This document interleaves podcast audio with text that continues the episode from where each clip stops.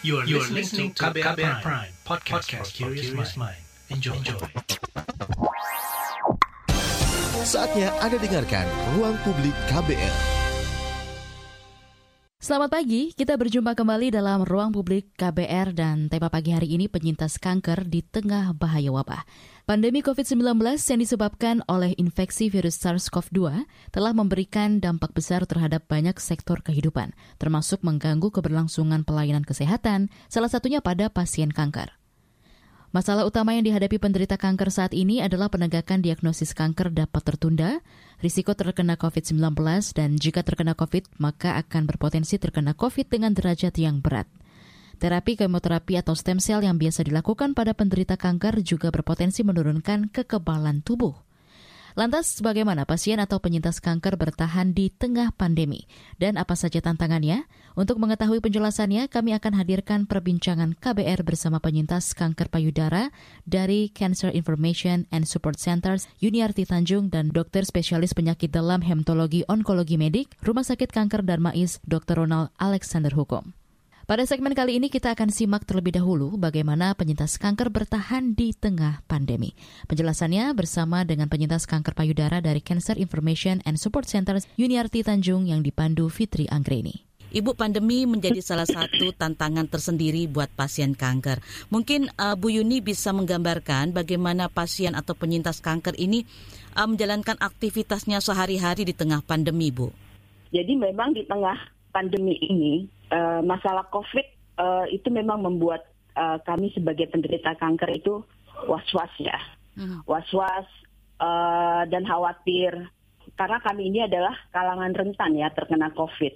Umumnya kami penyintas kanker payudara, apalagi yang masih uh, melakukan terapi itu daya tahan tubuhnya sangat rendah. Terlebih kalau misalnya pasien pasien-pasien yang uh, dia itu masih dalam pengobatan seperti kemoterapi dan radiasi. Tanpa COVID pun aja tuh ya mereka sudah uh, apa ya khawatirlah untuk menghadapi hal-hal yang menurunkan daya imunitas yang bisa berakibat uh, kepada kehilangan jiwa. Nah, perkembangan COVID uh, virus COVID ini memang menjadi tantangan berat dan juga mengkhawatirkan kami, hmm, baik secara pikiran maupun ekonomi oh, maupun juga secara psikologis ya. Uh, karena kami itu berobat dengan was-was. Hmm. Dalam arti gini, uh, dokternya ada atau tidak ya? Karena kan kita dalam keadaan sekarang mungkin dokter kan juga mengurangi uh, pasiennya. Dan dokter juga kan bukan berarti tidak bebas COVID karena ada beberapa rumah sakit yang dokternya terkena COVID. Yang berarti adalah jadwal prakteknya uh, akan hilang gitu kan. Jadi pasiennya pun akhirnya numpuk-numpuk. Hal lain lagi adalah tentang obat-obatan. Ini obat ada atau tidak? Karena memang uh, obat-obat ini ada sedikit ketidaklancaran gitu ya uh, terhadap obat ini. Dan juga yang uh, paling penting adalah kalau kami memberanikan diri ke rumah sakit, di perjalanan kan juga bikin was-was. Kan tidak semua dari uh, kami ini adalah uh, mempunyai kemampuan ekonomi yang cukup baik. Jadi mau nggak mau misalnya harus uh, naik kendaraan umum. Itu kan ke apa ya kemungkinan untuk terpapar dengan orang lain itu lumayan tinggi. Karena kan tidak semua orang itu memiliki uh, kemampuan untuk menjaga dirinya dengan baik terhadap COVID. Dan yang pasti juga kan uh, biaya juga tinggi. Nah, belum lagi juga pasien luar kota yang dia harus naik pesawat atau naik kapal laut, dia harus butuh swab, tiket, dan lain-lain yang akhirnya akhirnya beberapa pasien akhirnya kadang-kadang memilih ya udah deh saya tunda aja gitu. Di tengah ketidakpastian tadi soal ketersediaan dokter, jadwal dokter, juga ketersediaan obat, Bagaimana uh, para penyintas dan juga pasien kanker yang sedang berobat ini beradaptasi dengan situasi ini, Bu? Selain mungkin menunda pengobatan, apalagi yang mereka bisa lakukan? Ya kalau yang memang memilih menunda pengobatan ya ya berdoa ya paling ya mbak ya dalam arti begini berdoa uh, yang paling sering ditunda itu adalah mereka uh, mereka memang bukan pasien-pasien yang dalam keadaan yang uh, berat ya dalam arti mereka tidak sedang uh, harus dipaksa wajib untuk operasi gitu kan. Uh, atau uh, dia wajib untuk menjalani kemo atau radiasi yang kata dokternya kalau kamu nggak jalankan ya itu adalah nyawa kamu yang jadi uh, korban gitu kan. Nah pasien kanker itu kan adalah wajib dia uh, melakukan pemeriksaan rutin. Karena pemeriksaan rutin ini yang reguler itu kan ada pemeriksaan tiga bulan, enam bulan, setahun itu wajib dilakukan. Karena itulah satu-satunya cara supaya kita bisa uh, lebih survive dengan mengetahui uh, indikasi-indikasi dari pemeriksaan itu seperti USG, uh, cek ronsen, terus lalu apa lagi namanya CT scan mungkin kalau diperlukan atau MRI karena itu uh, dan cek darah karena dengan pemeriksaan-pemeriksaan inilah yang membuat dia lebih survive dan dia lebih tahu misalnya kanker ini dalam keadaan aman tidak menyebar. Nah, kemudian juga untuk soal pengobatan. Nah, soal pengobatan ini kan juga wajib dia lakukan minum tiap hari. Ada beberapa memang pasien kanker seperti saya kan uh, tipikal kanker payudara dengan estrogen dan progesteron positif itu kan ada uh, terapi hormon. Hmm. Kita wajib minum obat tiap hari selama lima tahun. Tapi bagaimana kalau saya menunda pengobatan? saya nggak mau saya nggak minum itu nah ini yang uh, saya juga uh, menyayangkan juga ya terhadap teman-teman ya. Tapi memang kadang-kadang mereka pikir ah ya udahlah orang kita nggak apa-apa ini gitu kan. Jadi mereka berusaha untuk ya udahlah positif thinking aja daripada kita ngadepin covid covid di rumah sakit. Lebih baik ya udahlah gitu. Nanti kalau misalnya ada apa-apa kan baru ke dokter lagi. Gitu kira-kira sih. Obat-obatan dan terapi hormon yang Ibu Yuni sebutkan tadi, apakah uh, Ibu temukan memang terjadi uh, kekurangan atau kesulitan untuk mendapatkan uh, obat-obatan tersebut, Bu? pertengahan tahun yang lalu ya. Jadi itu kalau nggak salah COVID Maret. Maret. Nah mulai dari mulai awal COVID tiga bulan itu, uh, yang saya tahu tuh di beberapa rumah sakit Uh, mereka mulai mengalami uh, kesulitan obat ya. Nah itu beberapa rumah sakit termasuk rumah sakit di tempat saya uh, itu beberapa obat tuh diganti walaupun katanya sih masih dalam golongan yang sama. Jadi misalnya kayak saya uh, sudah uh, karena sudah diangkat indung telurnya kan saya disebutnya kaum menopause ya kan itu uh, saya diberi golongan aromatase inhibitor ya kan. Nah tapi kan itu ada tiga ada tiga jenis obat. Nah obat ini waktu itu saya pakai jenis A gitu ya. Nah terpaksa diganti B. Nah kemudian yang terjadi juga adalah uh, obat ini tertunda pemberiannya. Jadi dari pihak uh, apotik bilang, wah obatnya belum ada, nanti kita kabari ya Bu. Nah itu terjadi sekitar dua atau tiga minggu kemudian obat baru ada. Nah ini kan berarti uh, saya atau pasien lainnya tidak yang mendapatkan penundaan obat ini tidak minum obatnya. Kalau saya, kalau saya kebetulan masih ada uang lebih, saya beli, ya kan. Tapi banyak pasien yang saya lihat ibu nggak beli bu, oh ini kok bu harganya segini gitu. Wah mbak, saya buat makan aja susah, apalagi covid gini, suami saya di PHK. Dari mana saya mau beli obatnya? Ya, saya juga bisa diam ya Mbak ya, karena kan memang obat ini yang dalam golongan paling murah itu sekitar 800 ribu ya sebulan ya. Tetapi uh, setelah penundaan 2-3 minggu itu uh, tidak pernah ada lagi uh, keterlambatan obat atau terapi begitu ya Bu ya? Hmm, kalau obat sepertinya sudah mulai uh, obat-obat terapi hormon sudah mulai uh, lancar nih sejak Desember ya, sudah mulai nih. Tapi itu tadi, ya kadang-kadang diganti gitu loh obatnya katanya sih dalam jenis yang sama gitu kan.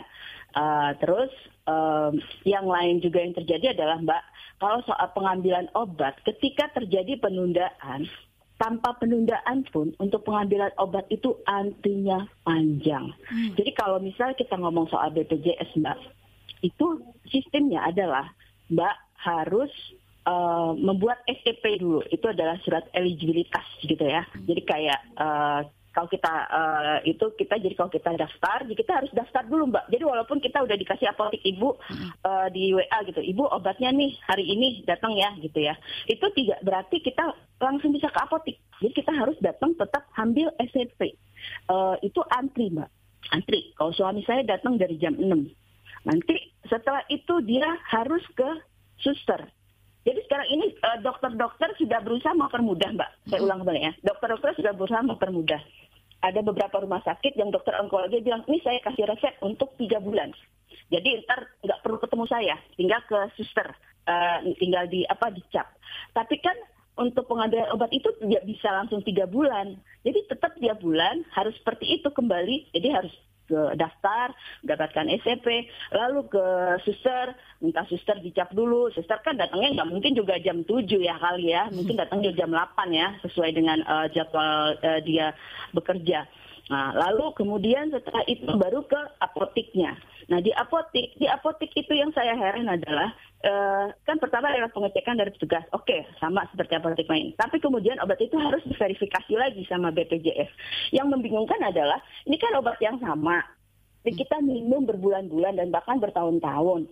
Uh, tapi tetap harus verifikasi oleh BPJS dan itu tuh bisa lama mbak bisa setengah jam bisa satu jam baru setelah verifikasi kita dikasih antrian obat nah antrian obat ini kan juga lama lagi jadi kan kebayang mbak ya kayak muter muter situ paling enggak cuma dengan pengambilan obat yang saya sudah pegang resep sendiri ya itu paling enggak misalnya berangkat jam 6 uh, eh, dia sampai di rumah sakit pada cuma dalam jangka waktu 10-15 menit berarti sekitar 6.15 dia baru bisa dapat obat sekitar setengah 10. Nah kalau saya harus ternyata obat itu harus kontrol ke dokter, ya lebih lama lagi. Mungkin saya uh, selesai untuk obat itu uh, sampai jam 12 gitu kan. Ada yang di rumah sakit lain adalah bisa sampai uh, dia dapatnya sore, dia sampai tengah malam pulang gitu kan. Hal ini kan membuat uh, pasien kanker dalam uh, kerumunan dan kemungkinan interaksi juga lebih banyak gitu kan. Yang ini kan membahayakan bagi kami. Dan itu uh, harus dilakukan dengan hadir di tempat begitu ya Bu ya mengurusnya nggak bisa melalui online atau uh, lewat telepon untuk verifikasi bisa. begitu ya? Nggak bisa Mbak. Kalau kayak gitu paling nggak uh, ya keluarga yang datang kan suami itu misalnya. Uh, ya tapi kan suami kan juga kan bukan berarti dia nggak dia nggak kanker dia juga nggak bebas covid. Jangan ke mana-mana, tetap di ruang publik KBR. Masih Anda dengarkan Ruang Publik KBR. Commercial break. Commercial break. Commercial break. Oke Google, cariin apa yang lagi trending sekarang dong. Yang lagi viral, yang lagi hits. Aduh, kamu ini tahunya cuma nyur doang. Lah, dia nolak. Aku bilangin Siri nih. Ya sudah-sudah jangan ngambek dong. Kamu cukup buka KBR Prime titik ide, lalu cari what's trending. Semua dibahas tuntas dengan narasumber yang kredibel, jadi bisa buat referensi kamu. Wah iya nih, keren banget ya. Setiap hari lagi. Betul, dari Senin sampai Jumat. Jangan lupa hanya di KBR Prime titik ide atau di aplikasi podcast lain lainnya. Makasih ya Mbah Google. Hei kamu ini, saya masih gadis, kenapa dipanggil Mbah? KBR Prime, podcast for curious mind.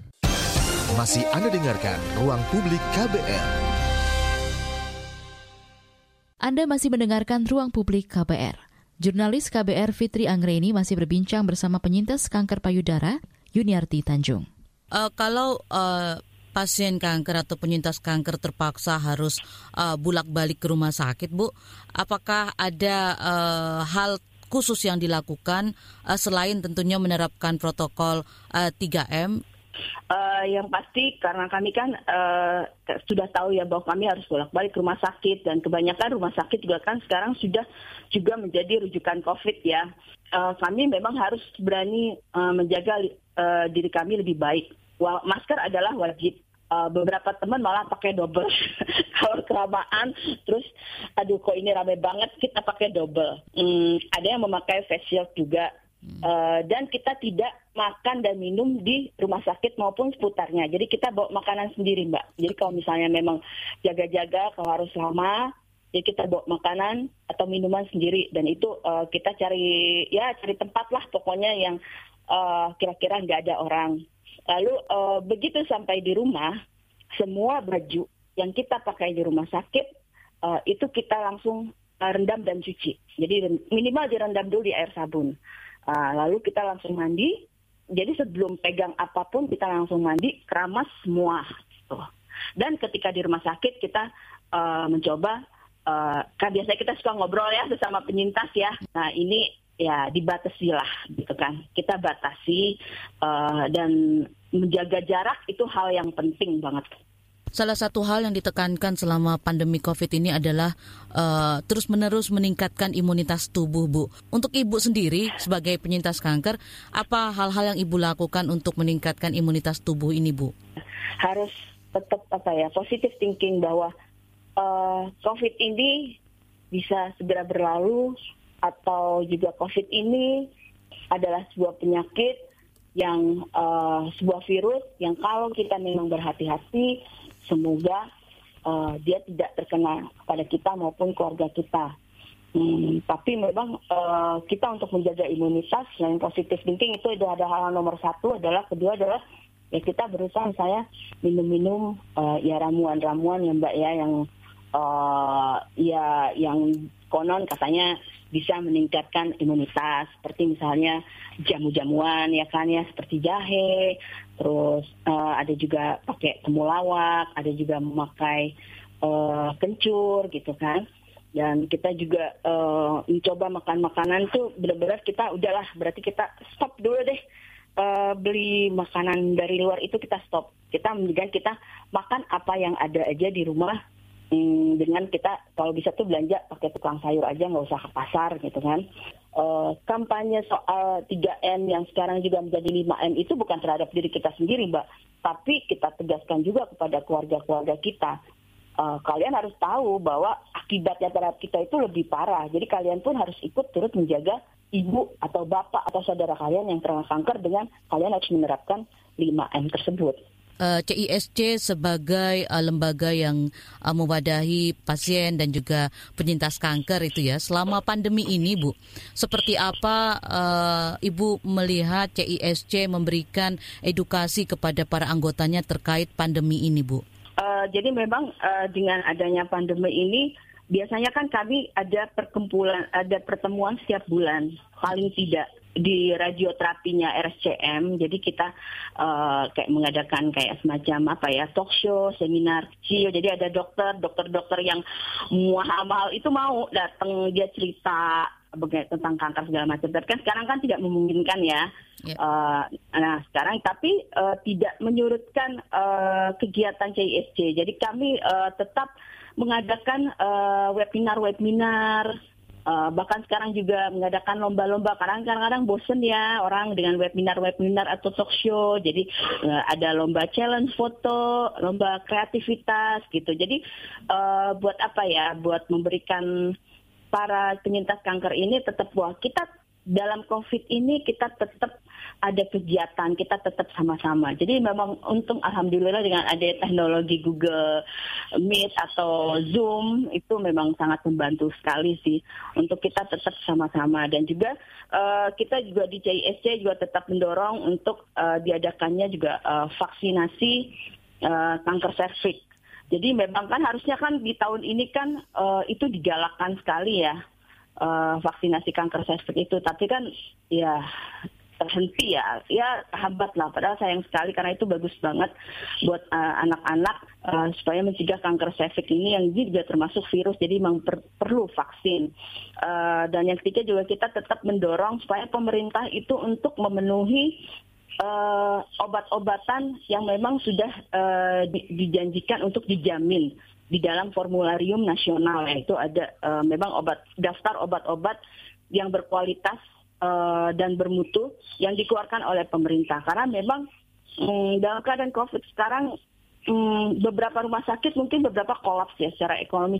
Ada keengganan atau nggak tahu ya apa ya pasiennya tidak tahu dan rumah sakitnya juga mungkin secara ekonomi juga berat. Jadi ada beberapa obat yang dalam golongan terapi target ya misalnya seperti trastuzumab atau untuk uh, terapi target buat uh, kanker kolorektal itu tuh dikeluarkan aja tuh kalau sudah kepepet dalam arti kepepet ya pasiennya udah udah bener-bener metastasisnya itu udah berat. Padahal ketika udah metastasis itu kan sebenarnya obat terapi target juga berat ya kerjanya untuk membantu. Makanya itu kita juga di uh, kita tetap uh, melakukan juga advokasi uh, dan juga dengar pendapat kepada DPR uh, bahwa tolong obat-obat itu uh, dikeluarkan. Kalau bisa tuh untuk stadium-stadium uh, yang awal. Karena kan memang uh, seperti obat uh, trastuzumab ya contohnya ya untuk obat terapi target. Itu kan kalau dari aturan pemerintah itu diberikan untuk pasien yang sudah stadium 4 karena dia sudah menyebar. Padahal obat ini harusnya jauh lebih efektif kalau misalnya diberikan juga kepada pasien-pasien yang uh, masih stadium uh, awal atau menengah.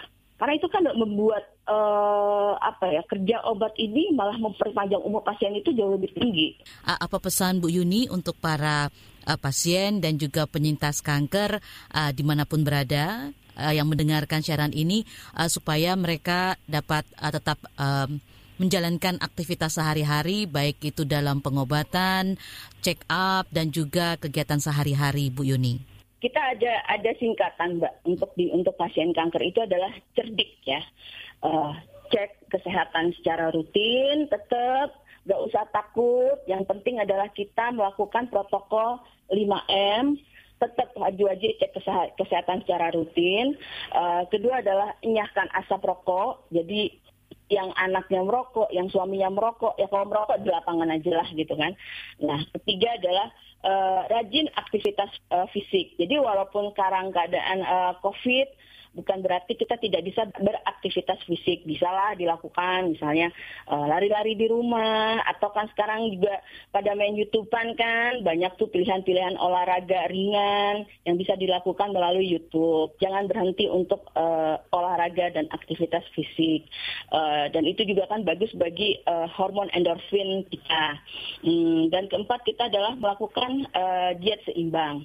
Dalam arti begini, mentang-mentang COVID jangan kerjanya beli makanan online mulu, tapi makan online-nya atau makanan-makanan yang tinggi kolesterol, tapi lebih baik kita beli buah aja, sayur, uh, ikan atau telur. Telur mungkin lebih baik kalau misalnya memang keuangan secara keuangan nggak ada, tapi kan proteinnya itu sangat tinggi. Yang penting adalah buah uh, uh, dan sayur itu penting dan istirahat yang cukup tidur malam 7 sampai 8 jam sehari itu sangat penting uh, bagi sangker untuk tidak kembali lagi. Uh, dan keenam adalah kita adalah harus kelola stres, uh, stay positive thinking untuk apa pun yang terjadi di uh, di sekitar kita dan kita tetap uh, berpikir bahwa semua ini akan berubah menjadi hal-hal uh, yang lebih baik kalau kita bekerja bersama-sama menangani uh, COVID. Kami ingatkan kembali kalau ruang publik KBR edisi hari ini adalah rekaman, jadi kami tidak bisa menerima pertanyaan dari pendengar. Jangan ke mana-mana. Masih Anda dengarkan Ruang Publik KBR. Terima kasih untuk Anda yang masih setia mendengarkan Ruang Publik dari KBR edisi hari ini dengan tema penyintas kanker di tengah bahaya wabah. Pada segmen kali ini kita akan simak penjelasan dokter spesialis penyakit dalam hematologi onkologi medik Rumah Sakit Kanker Darmais, Dr. Ronald Alexander Hukum. Kali ini kita akan menyimak apa saja yang harus dilakukan penyintas atau pasien kanker di tengah pandemi. Dokter, pandemi COVID-19 sudah berjalan hampir setahun. Jika uh, Anda lihat seperti apa pandemi ini mempengaruhi uh, perawatan dan juga kehidupan para pasien atau uh, penyintas kanker, dokter? Iya, sedikit banyak pasti mempengaruhi di dalam arti memang pengobatan itu eh, kadang-kadang uh, menjadi lebih uh, memerlukan pemeriksaan lebih banyak dan ada yang sampai harus ditunda. Jadi uh, pasti ada pengaruhnya untuk pasien-pasien uh, kanker. Uh, kalau penundaan uh, perawatan itu apa dampaknya, uh, dokter? Apakah ada dampak jangka panjangnya terhadap perawatan yang dilakukan para pasien, dokter? Iya, jadi memang sebetulnya uh, salah satu panduan yang digunakan oleh dokter-dokter onkologi ya, dokter-dokter yang memegang kanker, terutama yang berhubungan dengan kemoterapi ya, dokter onkologi medik, itu panduan dari um, American Society Clinical Oncology sama European Society of Medical Oncology, itu memang secara garis besar sudah langsung uh, meminta untuk kita melihat atau mengelompokkan pasien-pasien kanker itu dalam kaitannya dengan terapi itu ke setidaknya tiga kelompok ya. Kelompok yang prioritas tinggi kelompok yang prioritas menengah kelompok yang prioritas uh, rendah. Kalau yang prioritas tinggi biar bagaimanapun pengobatannya tidak boleh sampai tertunda. Hmm. kalau yang prioritas menengah mungkin masih bisa dilihat kemungkinan uh, misalnya ya konsultasi tidak harus bertemu langsung tapi lewat telemedicine. Mungkin sebagian dialihkan ke uh, rumah sakit atau klinik kanker yang uh, merujuk awal dan ditangani lebih lanjut di sana dengan pedoman yang disiapkan di pusat kankernya. Sementara yang prioritas uh, rendah mungkin ada penundaan atau juga konsultasi lewat telemedicine. Jadi memang langsung dikelompokkan aja. Kalau pasien yang prioritas tinggi ya tidak bisa ditunda pengobatan atau operasinya atau radiasinya atau kemoterapinya. Apakah ada juga yang dokter temukan atau dokter mendapat informasi kalau uh, tidak hanya ditunda tetapi ada pasien yang bahkan tidak bisa mendapatkan perawatan karena beberapa uh, alasan begitu dokter? Uh, sejauh ini kalau misalnya kita lihat di rumah sakit Darmais di Jakarta itu memang ada laporan-laporan pasien itu eh, terpaksa ditunda pengobatannya, terutama yang kaitannya dengan misalnya menunggu hasil pemeriksaan uh, COVID-19-nya. Karena sekarang semua pasien itu begitu mau datang di rumah sakit, entah dia dirawat, entah dia harus menjalani pemeriksaan misalnya uh, radiologi, mm-hmm. itu harus diperiksa dulu apakah dia uh, terinfeksi COVID-19 atau tidak.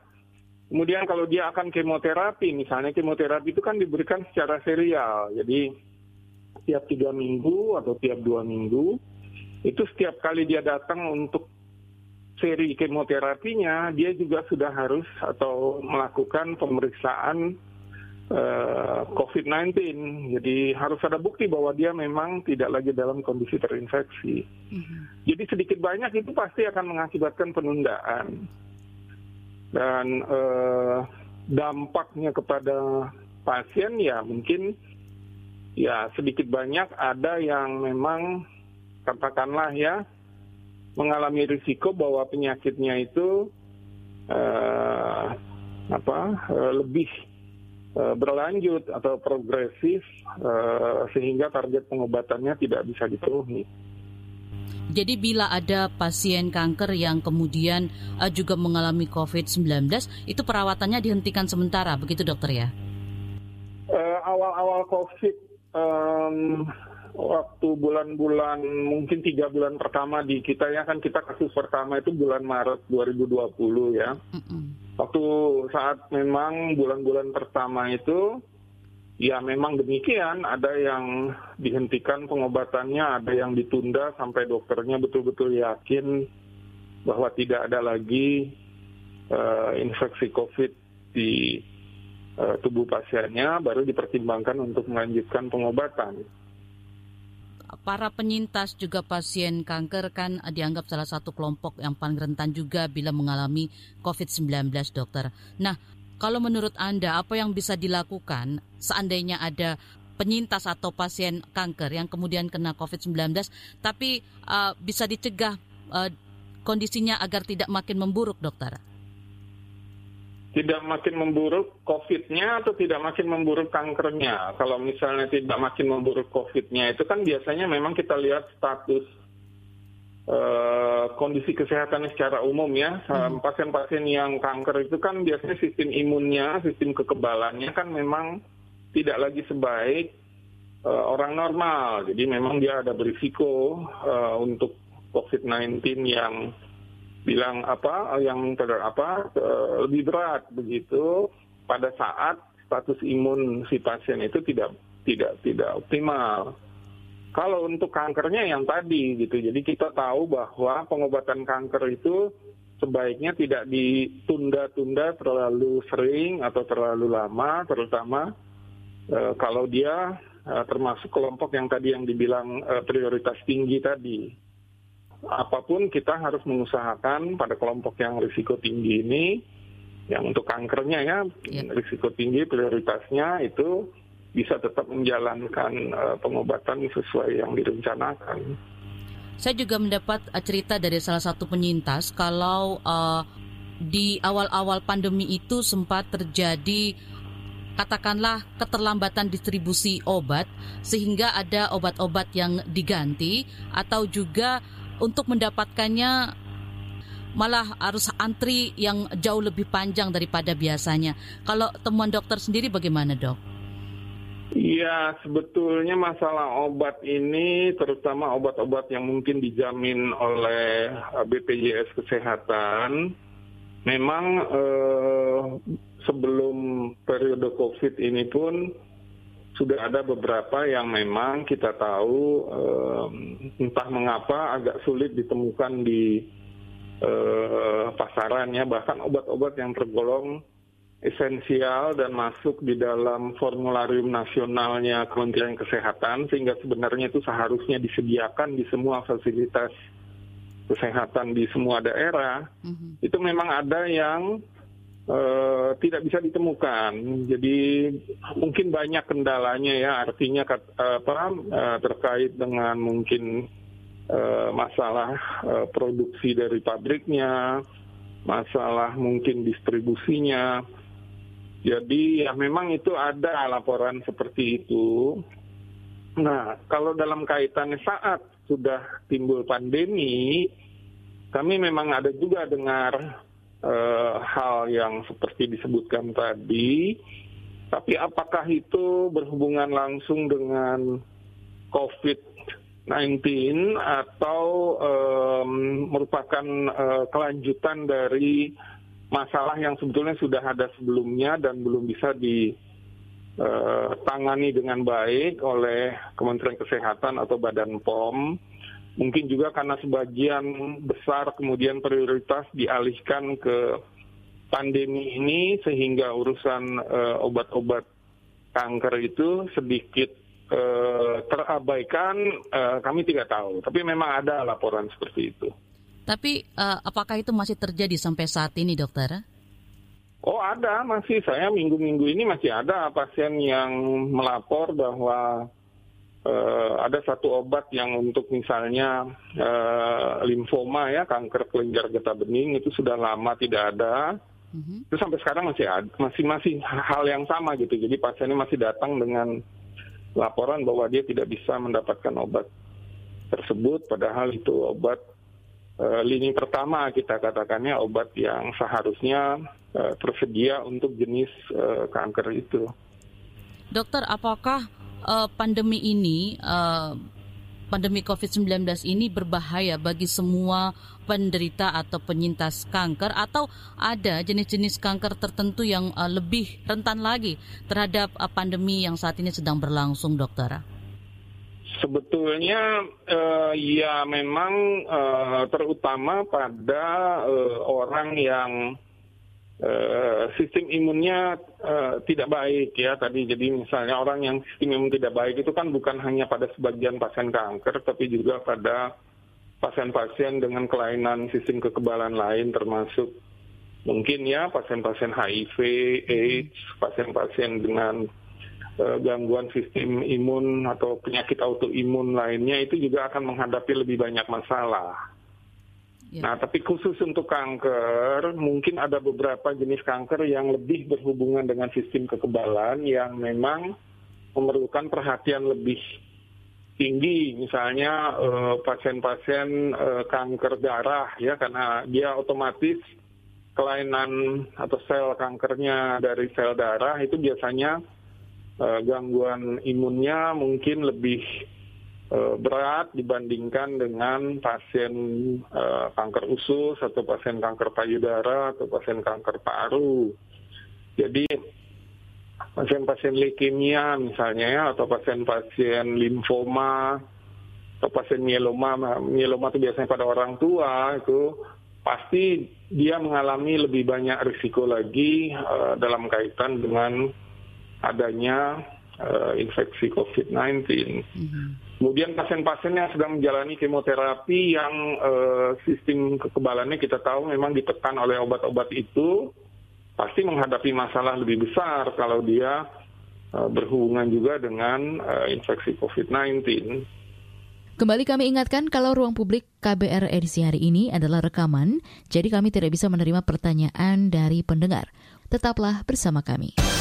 Masih Anda dengarkan Ruang Publik KBR. Commercial break. Commercial break. Commercial break.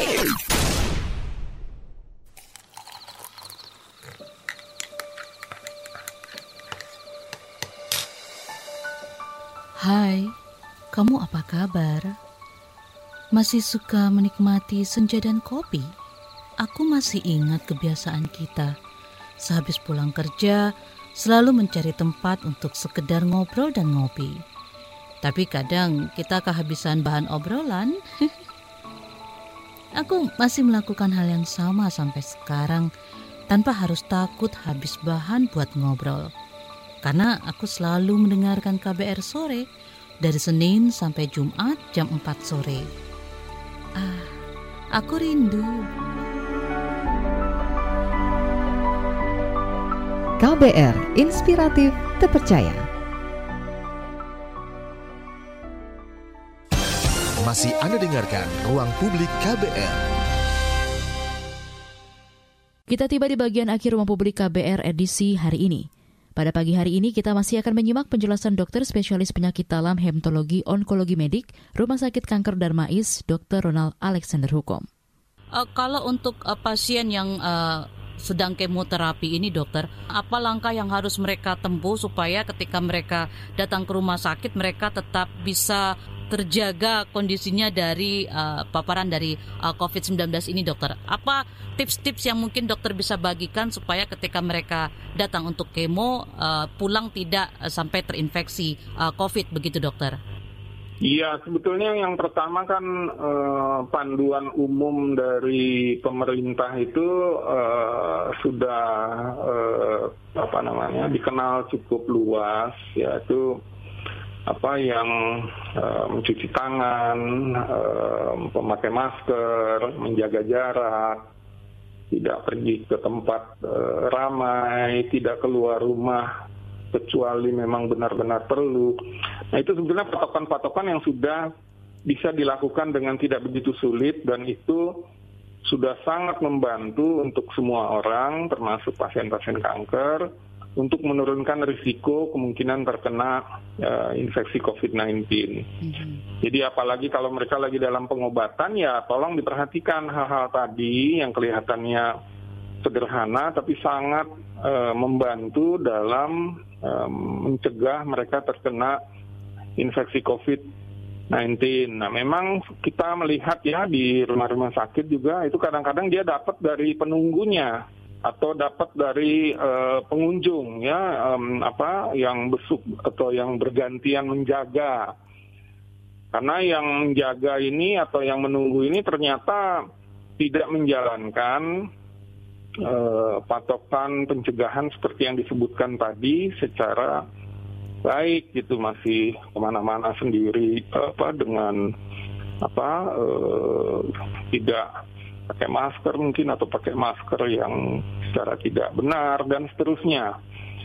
Jadi uh, sebenarnya ini merupakan masalah bersama, bukan hanya untuk si pasien tapi untuk juga keluarganya, untuk juga penunggunya, untuk juga semua pengunjung ya. Sekarang kan pengunjung di rumah sakit itu sangat dibatasi, bahkan tidak diperkenakan lagi ada jam-jam besuk ya, jam kunjungan. Uh-huh. Nah, tapi yang menunggu atau yang mengurus dia di pasien ya, pasien kanker yang sering kan dia di infus, dia uh-huh. tidak bisa mengurus katakanlah surat-surat, obat-obat dan sebagainya sehingga selalu ada yang harus mendampingi. Si pendamping ini yang beberapa kali kita lihat yang kemudian membawa uh, virusnya ke pasien. Jadi sebetulnya mulailah dengan mengikuti apa yang disarankan oleh pemerintah dalam kaitan pencegahan COVID-19. Itu dulu.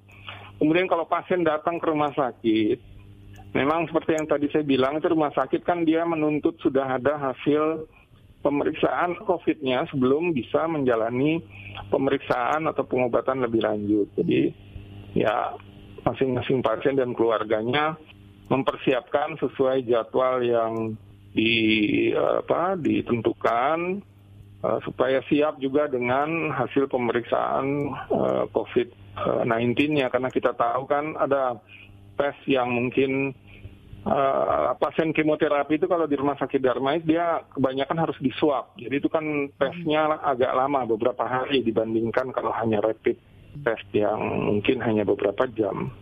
Terkait vaksin, dokter, itu uh, seperti apa um, pemberian vaksin untuk uh, pasien dengan kanker ini, dokter?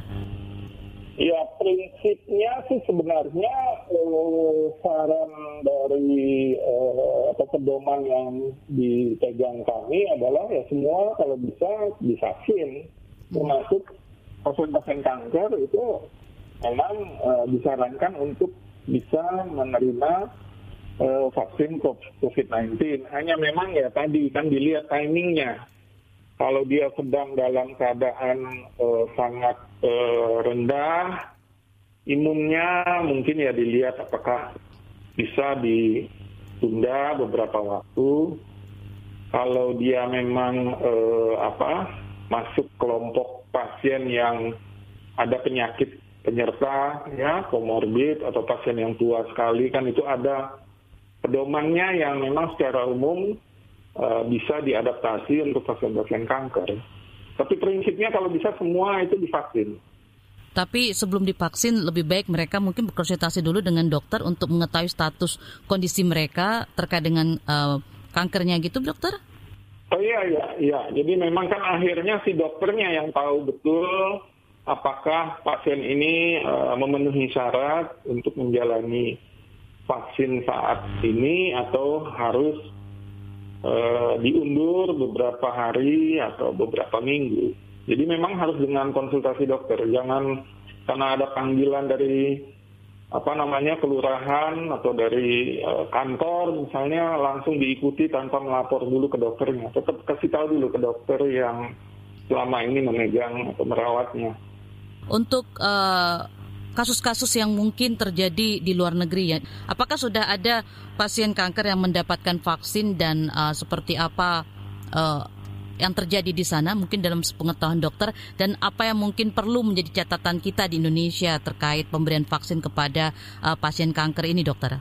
Iya, jadi kan vaksinasi ini kan baru beberapa minggu ya berjalan di uh, kebanyakan negara, mungkin baru uh, berapa nih? Uh, tiga empat minggu ini uh, yang mungkin ada yang bulan Desember lebih awal. Tapi intinya uh, di banyak negara yang saya tahu di Eropa itu sih mereka prinsipnya adalah semua pasien bila memungkinkan harus divaksin ya pasien kanker. Itu prinsip yang dipegang um, uh, bahwa langsung semua pasien bisa atau ada pasien-pasien yang memang eh, uh, atau ditangguhkan dulu.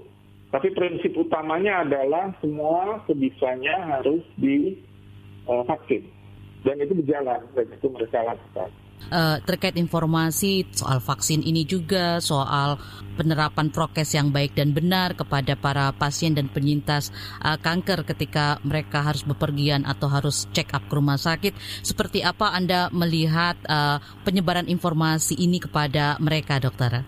Ya, sebetulnya sih sudah cukup baik ya, artinya semua orang sekarang udah tahu apa itu vaksin COVID-19 semua orang sudah mungkin uh, mendengar bahwa tidak semua orang bisa divaksin. Uh, semua orang sudah dengar bahwa ada jenis vaksin yang berbeda. Jadi secara umum sih sebetulnya informasi itu sudah cukup luas ya. Khususnya sih yang kita tahu yang ya saya bisa cuma bicara uh, daerah Jakarta dan sekitarnya ya, Jabodetabek itu pasien-pasien yang datang ke kami itu sih sudah umumnya tahu. Jadi pertanyaannya memang biasanya nanti kaitannya ke yang tadi tuh kalau kanker masih di kemoterapi bagaimana. Mm-hmm. Kalau ada penyakit autoimun itu bagaimana. Kalau saya punya diabetes itu bagaimana. Kalau ini kebetulan pasien kanker umurnya sudah dekat 70 tahun itu bagaimana. Jadi secara umum itu sebetulnya informasi itu sudah mereka dengar dan mungkin sudah mereka baca. Sekarang kan televisi, Eh, media cetak, eh, internet itu kan semua uh, cukup gencar memberikan informasi terkait dengan pandemi uh, COVID-19 dan vaksinasi ya. Jadi sebenarnya sih informasinya sudah cukup luas. Hanya mungkin waktu membaca atau menangkap informasi ini yang kadang-kadang masih harus diluruskan atau pasien-pasien itu masih minta penegasan yang lebih jauh dari uh, tenaga kesehatan atau dari dokter yang merawat. Uh, selain dari sisi pasien, uh, tantangan pengobatan kanker selama pandemi ini mungkin dari sisi tenaga kesehatan dan juga kapasitas rumah sakit yang tersedia itu seperti apa dokter? Kalau di rumah sakit yang uh, seperti rumah sakit Darmais yang memang khusus untuk kanker mungkin tidak begitu banyak pengaruhnya. Tapi memang perawatan pasien kanker di rumah sakit uh, umum di rumah sakit yang uh, lain bisa saja terganggu karena sekarang kan uh, di apa namanya diminta ya semua rumah sakit menyediakan uh, sebagian uh, fasilitas rawatnya untuk pasien COVID-19. Jadi ya bisa saja itu di beberapa tempat mempengaruhi untuk pasien-pasien kanker uh, ya kalau bicara itu sebetulnya secara umum kan fasilitas penanggulangan kanker di Indonesia ini belum bisa dikatakan cukup hmm. ya rumah sakit Darmais misalnya di Jakarta itu kan satu-satunya rumah sakit pemerintah uh, pusat kanker ya ada mungkin rumah sakit swasta satu dua yang juga udah membuka pusat kanker tetapi kalau dihitung dari jumlah pasien dengan tempat tidur yang tersedia, kita memang masih kekurangan. Ya, jadi itu masalah bukan hanya terkait dengan COVID, tapi penanggulangan kanker ini ya memang uh, masih membutuhkan lebih banyak lagi uh, tambahan uh, fasilitas kesehatan baik yang mungkin di level uh, kabupaten, uh, mungkin di provinsi, apalagi untuk pusat-pusat kanker. Karena kita tahu sampai sekarang pun itu daftar antrian untuk misalnya operasi, daftar antrian untuk radiasi itu uh, makin panjang ya. Mm -hmm. Sebelum ada pandemi pun demikian gitu. Pasien-pasien itu menunggu jadwal operasi itu sering harus berminggu-minggu menunggu radiasi juga begitu. Jadi itu kan menunjukkan bahwa memang kita masih kekurangan fasilitas uh, yang diperlukan untuk uh, bisa membantu pasien-pasien kanker ini ya dan itu memang masalah yang sebelum pandemi juga sudah ada bisa saja sekarang menjadi lebih uh, lebih lebih lama lagi karena ya memang betul sebagian rumah sakit harus mengalihkan uh, prioritasnya lebih ke uh, pasien-pasien dengan COVID-19. Tapi kita memang tetap mengharapkan pemerintah ke depannya, apalagi kalau dikaitkan dengan sekarang mau apa hari kanker sedunia, yeah. ya um, itu ya um, WHO ya Badan Kesehatan Dunia sudah sebetulnya mengeluarkan pedoman yang uh, terkait dengan penanggulangan yang memang kita masih banyak yang belum bisa uh, dipenuhi ya. Kita harus akui bahwa pasien-pasien kita juga masih banyak yang keluar negeri gitu. Karena merasa bahwa di Indonesia pelayanan untuk kanker ini uh, belum memuaskan. Ya memang untuk penyakit lain juga ada, tapi khusus untuk kanker kita bisa mengatakan kenyataannya demikian. Jadi masih banyak sih sebetulnya yang harus ditingkatkan uh, ya dalam kaitan dengan pelayanan kanker. Uh, bukan hanya pada masa infeksi COVID-19 ini. Jadi saya rasa sih ya kita percaya pemerintah masih terus uh, berusaha meningkatkan ini hanya bagaimana nanti mungkin suara-suara dari tadi dibilang survivor, suara-suara dari wakil rakyat, uh, suara dari mungkin uh, tenaga kesehatan yang menangani pasien-pasien kanker ini bisa lebih didengar dan bisa lebih diperhatikan oleh uh, pemerintah. Demikian ruang publik KBR pagi ini dengan tema penyintas kanker di tengah bahaya wabah. Dan bagi Anda yang tidak sempat mendengarkan siaran ini secara utuh, bisa mendengarkannya kembali di podcast kbrprime.id lalu pilih ruang publik. Terima kasih untuk kebersamaan Anda pagi ini. Saya Naomi Liandra undur diri. Salam. Baru saja Anda dengarkan Ruang Publik KBR. KBR Prime, cara asik mendengar berita. KBR Prime, podcast for curious mind.